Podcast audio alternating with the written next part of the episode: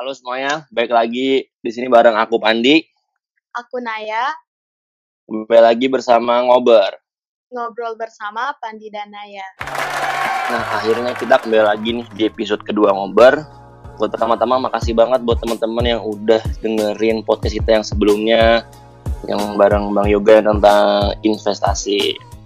Iya, terima kasih ya teman-teman. Nah, sekarang kita balik lagi nih dan tentunya dengan topik dan narasumber yang berbeda lagi. Nah, untuk kali ini topiknya tentang apa tuh, Nay?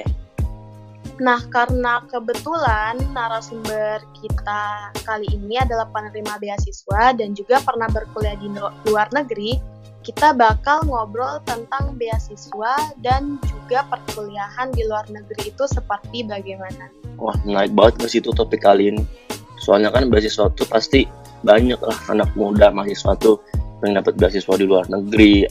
Apalagi khususnya di luar negeri lah ya. Iya, nah eh, pas banget nih kalau misalnya ada yang lagi nyari-nyari tuh tentang beasiswa. Nah, kalau gitu langsung aja nih kita panggilin aja narasumbernya. Ya narasumber kita hari ini Mas Kris Petra Agung. Halo Mas Kris. Halo. Halo. Halo Naya. Halo Pandi. Halo Mas Kris. Gimana Nah, kabarnya Mas? Baik, puji Tuhan, luar biasa. Kalian gimana Wow. kabarnya? Alhamdulillah baik juga. Ya Alhamdulillah baik. Sehat lah, sehat walafiat. Sehat, sehat. Nah Mas Kris sebelum kita mulai ngobrol nih, kan pasti banyak lah yang belum tahu siapa Mas Kris nih kan. Boleh banget dong kita dengar perkenal dari Mas Kris ke pendengar-pendengar kita nantinya. Oke. Eh, nama saya Chris Petra Agung. Saya lulus dari program studi S1 Akuntansi Universitas Telkom tahun 2015 dan tahun 2019 saya mendapatkan gelar Master of Science in Global Strategy and Innovation Management at University of Leeds, Inggris. Gitu. Nah, dari kenalannya dia ini udah luar biasa banget Mas Kris nih kan. Nah udah pada kenal kan ya dengan narasumber kita hari ini Mas Kris. Kalau gitu langsung aja kita ngobrol-ngobrol santainya. Kita mulai. Iya. Nah, eh, Mas Kris ini penerima beasiswa LPDP ya Mas? Nah, Ya, boleh betul. dong eh, Mas Kris jelasin beasiswa LPDP itu apa sih dan yang bedain LPDP dengan beasiswa lain itu apa? Dengan kalau misalnya kita ambil beasiswa LPDP itu kita bisa ambil double degree apa gimana Mas? Oke, jadi eh, PDP sendiri itu kepanjangan dari Lembaga Pengelola Dana Pendidikan. Itu adalah sebuah lembaga eh, di bawah naungan dari Kementerian Keuangan Republik Indonesia. Nah, mereka menawarkan eh, beberapa beasiswa, beberapa jenis beasiswa, dan beasiswa-beasiswa yang di- ditawarkan itu kebanyakan atau mostly itu full scholarship. Jadi itu mengcover tuition fee atau biaya kuliahnya, biaya hidup atau living allowance, tiket pesawat, terus udah gitu eh, uang buku, dan eh, ada beberapa komponen biaya yang lain. Nah, eh, untuk eh, universitasnya sendiri itu banyak, jadi ada dalam negeri, ada luar negeri. Kalau di dalam negeri kebanyakan itu, atau mungkin semuanya itu universitas negeri ya. Tapi kalau di luar negeri itu di banyak universitas di banyak negara. Eh, in Asia, Europe, Americas, eh, jenjangnya ada S2 dan ada S3. Terus kamu tadi nanya double degree atau enggak? Nah sebenarnya eh, kebijakannya waktu tahun aku, aku kan berangkat tahun 2018. Setahu aku itu tuh belum boleh waktu itu gitu. Tapi eh, setiap tahun mungkin ada perubahan atau update terkait dengan kebijakan. Jadi kalau misalnya mau tanya lebih lanjut lah, eh mau tahu lebih lanjut lagi tentang boleh double degree atau enggak, boleh dicek di website resminya LPDP. Mereka tiap tahun ada buku panduan yang dirilis setiap tahunnya gitu. Jadi bisa dicari tahu di situ double degree udah boleh atau enggak belum kayak gitu. Oh jadi semua biayanya tuh udah dipenuhi sama LPDP itu sendiri mas. Ya, Jadi kira sebagai Betul. mahasiswa yang mendapatkan beasiswa itu tidak usah mengeluarkan biaya lagi seperti itu. kalau kita udah dapet beasiswanya ya enggak, ya So- udah soalnya- biayanya udah ditanggung semua.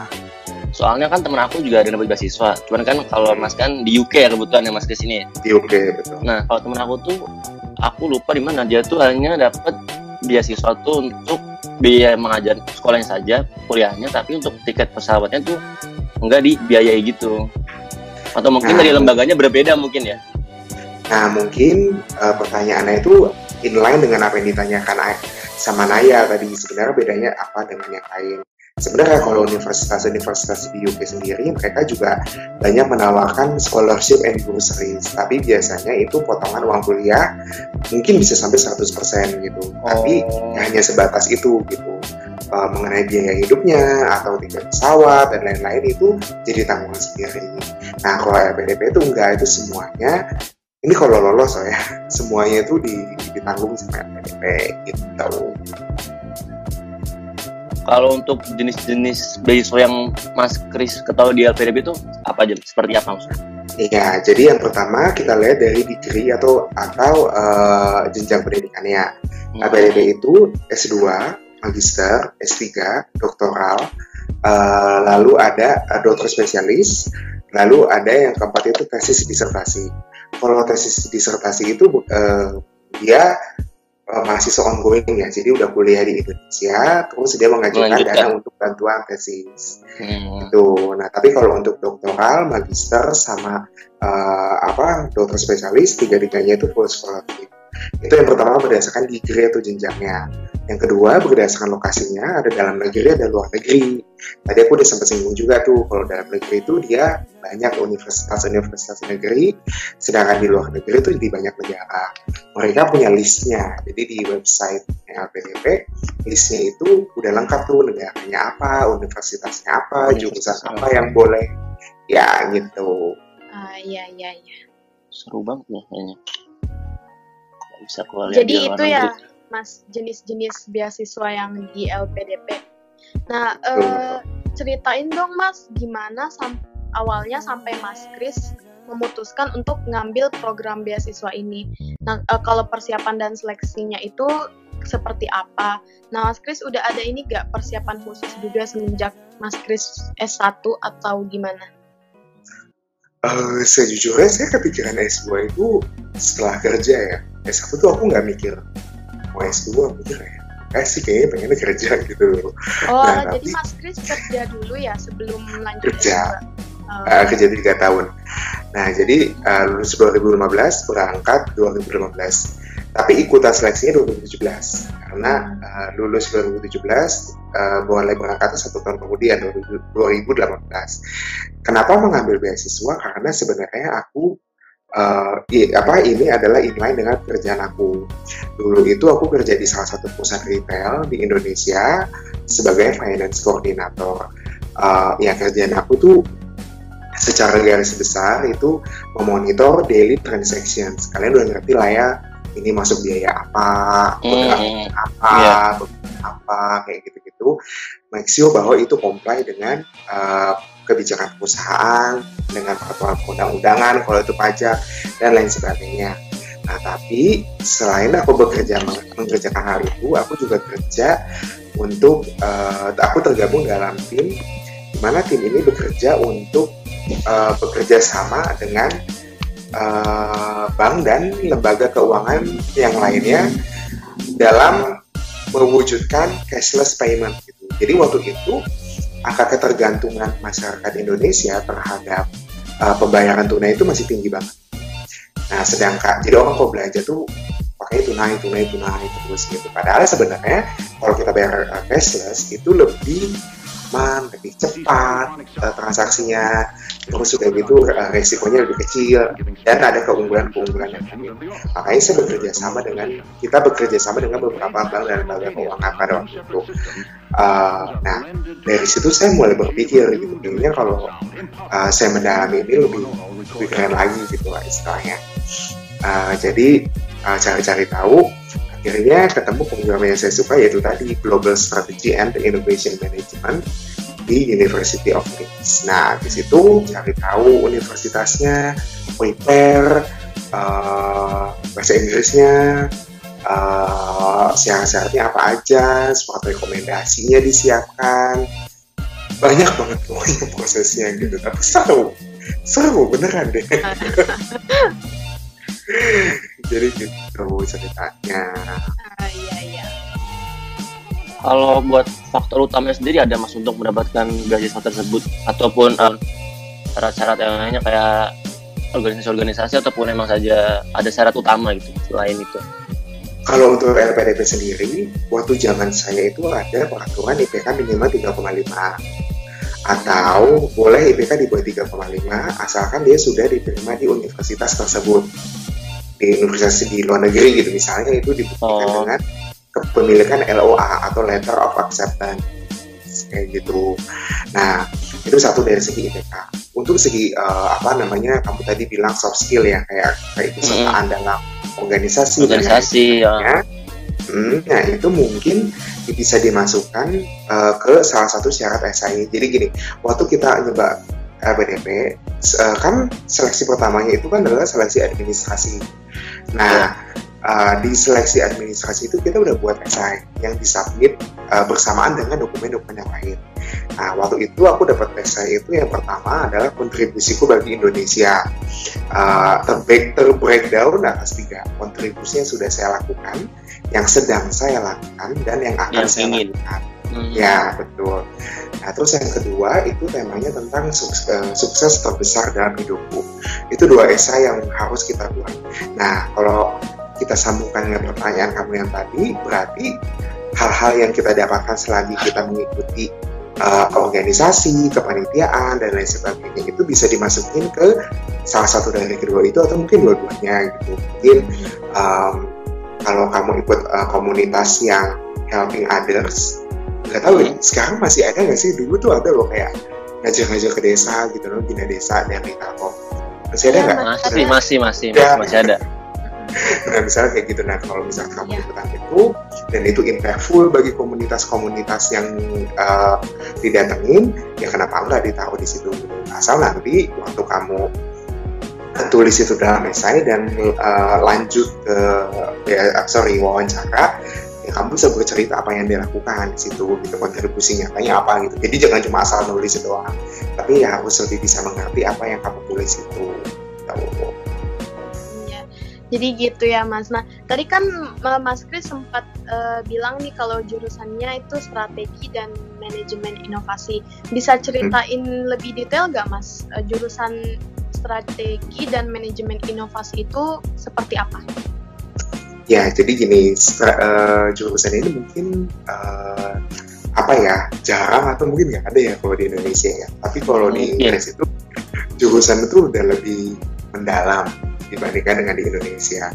Nah, untuk jurusan aku sendiri ini kita mempelajari uh, tools atau alat-alat yang dipakai oleh perusahaan untuk ketika dia uh, memformulasikan strategi untuk mencapai goalnya. Jadi kan setiap perusahaan kan punya visi. Dari visi diturunin jadi misi. Diturunin jadi apa diturunin jadi apa gitu. Nah sebenarnya ketika mau memformulasikan hal itu itu kan perusahaan sudah berpikir bahwa oh kalau misalnya visi kita ini maka kebijakannya itu akan disusun seperti ini ini ini. Dari level paling atas ke level paling bawah. Nah strategic management itu membantu kita atau manager atau internal agent untuk uh, supaya dia memiliki formulasi yang akurat terkait dengan itu gitu. Contoh gini, kalian udah belajar merger, akuisisi kayak gitu gitu belum sih? Manajemen di manajemen bisnis udah mas. Nah kayak gitu. Nah kalau misalnya kita mau mau kalau kita mau uh, apa namanya, ma, misalnya gini, perusahaan itu punya goalsnya dia untuk merebut pangsa pasar yang lebih besar. Mm -hmm. Misalnya kayak gitu. Produknya adalah ini gitu terus sudah gitu sekarang posisi marketnya seperti ini kita pengen menjadi nomor sekian misalnya gitu nah, keputusan iya. untuk merger atau akuisisi itu kan sebenarnya nggak sembarangan diambil gitu kan tapi ada perhitungan-perhitungan tertentu ada pertimbangan-pertimbangan tertentu gitu. nah uh, strategic management itu bisa membantu itu gitu ada pertimbangan apa ada apa yang sebenarnya harus diperhitungkan oleh perusahaan ketika dia menentukan mendingan merger atau akuisisi atau dia dengan ekspor aja udah cukup gitu misalnya. Atau dia dengan uh, apa ya kayak bikin franchise lebih baik misalnya lebih lebih murah biayanya. Nah seperti itu. Itu dari sisi strategic kalau inovasi itu tentang uh, perusahaan itu di, diibaratkan sebagai sesuatu yang dinamis, bukan yang statis gitu. Jadi bukan yang diem aja nggak ada perubahan apa-apa gitu. Enggak. Tapi bergerak maju terus ya. Betul, jadi karena kita maju terus, dunia juga berubah. Saya yakin lah mata kuliah kamu dengan saya itu udah beda banget. Gitu. Pasti udah beda banget beda banget aku tuh angkatan 2011 kita sesi berapa 8 tahun ya. nah, demikian juga demikian juga dengan perusahaan jadi inovasi itu me, me, mengajarkan kita bahwa uh, apa sih yang harus dilakukan perusahaan supaya dia tuh bisa tetap keep up dengan trends yang ada di yang the, the trends that are going on in this world gitu uh, ada kurvanya nanti gitu. Seru sih sebenarnya. Benar iya. Berarti mah apa di jurusan strategi dan manajemen itu itu ya dia mengatur dan kalau misalkan cara caranya dia kurang itu ada inovasi yang banyak plan dari plan A ke B C itu banyak berarti yang menyusun hmm. gitu ya. Ya gitu. Kalau apa mas tentang perebat Mas Kris nih tentang hmm. tentang orang yang ingin mengikut mendaftarkan diri untuk mengikuti program beasiswa luar negeri tapi kan hmm. banyak orang yang pengen daftar tapi berpikir udah bisa ngikutin pelajaran di sana lah ya bisa nggak ngikutin hmm. kegiatan-kegiatannya di sana ataupun bahasanya berbeda dari sistem pengajarannya berbeda proses prosesnya juga berbeda kan kalau dari pendapat Mas Kris gimana gitu yang pertama saya mau bahas tentang bahasa ya ini penting banget uh, banyak orang yang mungkin uh, apa ya merasa bahwa kendala mereka itu adalah bahasa ketika sampai di sana. Uh, sorry aku bahas sih, aku bahas ini kalau dia ngambil di Inggris ya, jadi pakai bahasa Inggris. Kalau misalnya kamu masih di Indonesia ya, ya nggak akan jadi kendala lah gitu. Tapi kalau kamu mau kuliah di universitas yang berbahasa Inggris, maka uh, satu bahasanya harus jago. Yang pertama bukan jago karena gini ya, bukan jago karena oh dia tuh ngerti semua kosakata yang ada di kamus hafal gitu. Enggak kan tapi kita harus memfokuskan uh, bahasa Inggris untuk akademik gitu jadi kalau misalnya ada orang yang jago tapi cuma untuk conversation uh, sehari-hari doang gitu itu udah cukup gitu. Nah menurut aku agak kurang tepat karena begitu di sana kita tuh harus lebih bisa mengeluarkan pendapat uh, ya pendapat secara tertulis yang dengan menggunakan bahasa Inggris gitu. Hmm. Kita harus bikin esai di sana, bikin uh, disertasi. Kalau di sana S2 itu disertasi kan, kalau di Indonesia kan S2 tesis disertasi. Nah itu kan semua pakai bahasa Inggris.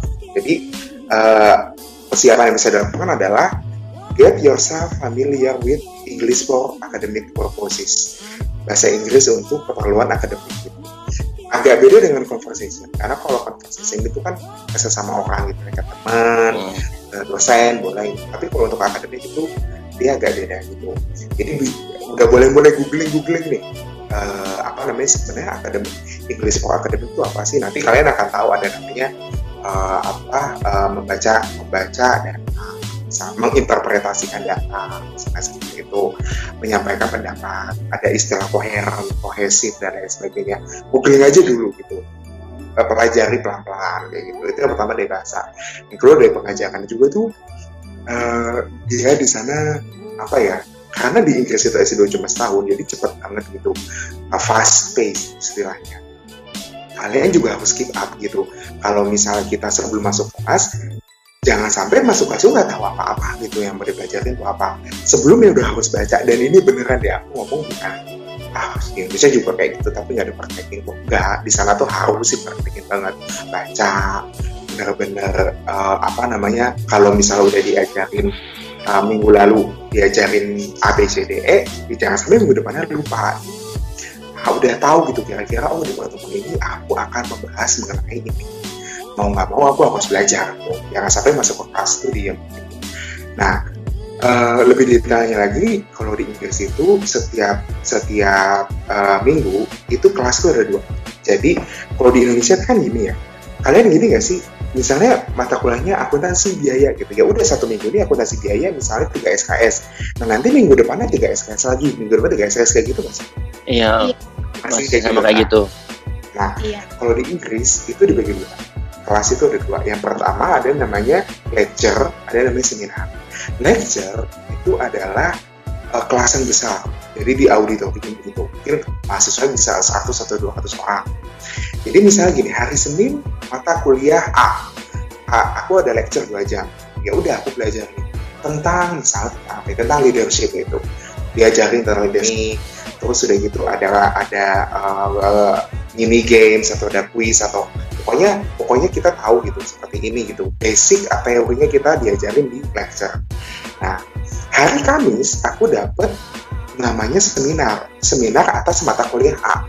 Jadi sama nih hari Senin aku mata kuliah A tapi itu semin, eh, tapi itu lecture. Hari Kamis mata kuliah A tapi itu seminar. Nah apa sih bedanya seminar dan lecture? Nah seminar itu durasinya cuma lebih pendek nih cuma satu jam. Iya. dan di situ kita nggak membahas dari ulang atas leadership itu apa teorinya apa itu nggak nggak ngebahas itu gitu. Tapi kita membahas study case. Study case misal IKEA IKEA itu punya punya uh, uh, punya case ketika dia ekspansi ke negara-negara di Asia itu dia begini gini gini gini gini. Nah jadi dari hari Senin sampai hari Kamis aku tuh nggak mungkin nggak baca nggak baca materi itu aku baca materi itu aku baca artikel-artikel di koran dosen-dosen di sana kasih tahu ini artikel di koran yang harus kamu baca. Aku baca artikel-artikel ini ilmiah, jurnal-jurnal. Kalian mungkin belum familiar ya, tapi kalau udah familiar, ya uh, apa namanya uh, lebih banyak baca jurnal penelitian yang terbaru. Kita baca textbook gitu. Jadi benar-benar dipelajari gitu. Oh IKEA itu dari bangsa pasar Eropa, kalian tahu dari Wikipedia kan. Terus dia mau masuk yeah. ke Asia. Ternyata tuh beda ya. Orang Eropa itu orang Eropa itu desainnya terus kan minimalis minimalis tuh furniturnya.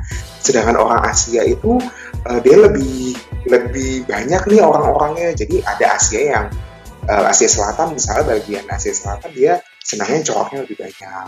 Sedangkan Asia Timur uh, coraknya lebih minimalis. Nah jadi strategi itu agak beda gitu. Nah itu dipelajarin dari hari Senin sampai hari Kamis gitu dan itu nggak nggak sebentar gitu. Itu tuh bisa jam tiga jam gitu. Bahkan bisa nggak sekali duduk gitu. Bisa dua kali dua kali disicil dua kali gitu belajarnya tentang hal itu. Nah, uh, satu semester aku bisa dapat lima mata kuliah. Jadi kalian kalian aja. Sepuluh mata kuliah sama aja aku sepuluh pertemuan dalam satu minggu gitu kan. Ya. itu capek sih. Dan itu capek gitu. Iya. harus kuat mentalnya berarti detail banget ya maksudnya sampai dari pangsa pasar itu dipelajari banget ya. Dari desain setiap negara-negara itu berarti diteliti banget gitu ibaratnya ya. Ya dia bikinnya seperti itu gitu. Uh, untuk membuat kita terpapar atau terekspos dengan adanya perbedaan gitu misalnya. Jadi perbedaan-perbedaan itu mempengaruhi strategi. Hmm. seru seru kan menarik jadi kalau misalnya kita mau uh, ikut beasiswa nih emang benar-benar harus cari tahu secara detail ya di sana itu hmm. nanti bakal seperti apa, harus benar-benar persiapannya benar-benar full gitu ya. Jadi bagi teman-teman yang mau dapat beasiswa ke luar negeri, mulai sekarang harus benar-benar cari deh detailnya nanti kuliahnya seperti gimana. Nah, tadi kan sempat pas awal-awal kita menyinggung masalah uh, biaya nih Mas tentang full scholarship. Nah kalau yang Mas Kris dapat itu full scholarship gak kayak benar-benar ditutupin semua nggak biayanya? Iya ditutupin. Jadi kalau uang kuliahnya atau tuition fee-nya itu dari lembaga beasiswanya LPDP langsung transfer ke universitas yang yang bersangkutan gitu. Nah, tapi kalau uh, yang uang yang aku terima itu adalah uang living allowance atau biaya hidup saat itu terus sudah gitu visa tiket pesawat eh tiket pesawat dibeli di Jakarta uang jadi kita request nanti tiket pesawatnya dikirim ke kita oh, full pokoknya full itu pesawatnya request atau gimana mas? request, request. Oh iya request. Ya, mau berangkat tanggal berapa? Tapi ada ketentuannya. Gak bisa ada syaratnya juga lah ya. Ada. Gak bisa bisnis kelas misalnya itu apa sih namanya mas uh, buat living allowance-nya itu cukup gak mas atau mas Kris masih uh, di sana sempat kerja part time gitu buat nambahin allowance-nya apa gimana? Jadi mas di UK-nya lah ya lebih banget. Waktu di UK uh, cukup dengan uang yang dikasih. Oh ya, kalau LPDP, kalau kalian buka websitenya, mereka juga ada lampiran mengenai living allowance setiap negara bahkan setiap kota itu ada jadi misalnya Amerika di New York ya Inggris di London dengan di aku kan di Leeds. Di London dengan di Leeds itu beda. Berapa pound sterling uh, per bulannya kayak gitu. Nah itu cukup gitu. Ya aku rasa itu cukup. Uh, allowance itu aku pakai untuk bayar flat tempat tinggal untuk beli makan untuk bayar pulsa. Cukup kok semuanya cukup gitu. Uh, mengenai kerja uh, kalau LPDP itu kita nggak boleh kerja. Selama kuliah ya. Selama kuliah kita nggak boleh part oh jadi nggak boleh pure kuliah nggak ya? boleh part time ya? Ya nggak boleh part time pure kuliah. Oh gitu. Gitu. Oh ya, di sini kita bakal bahas tentang kehidupan di UK ataupun kulturnya di sana gimana. Yang penasaran, lanjut di part 2 ya teman-teman.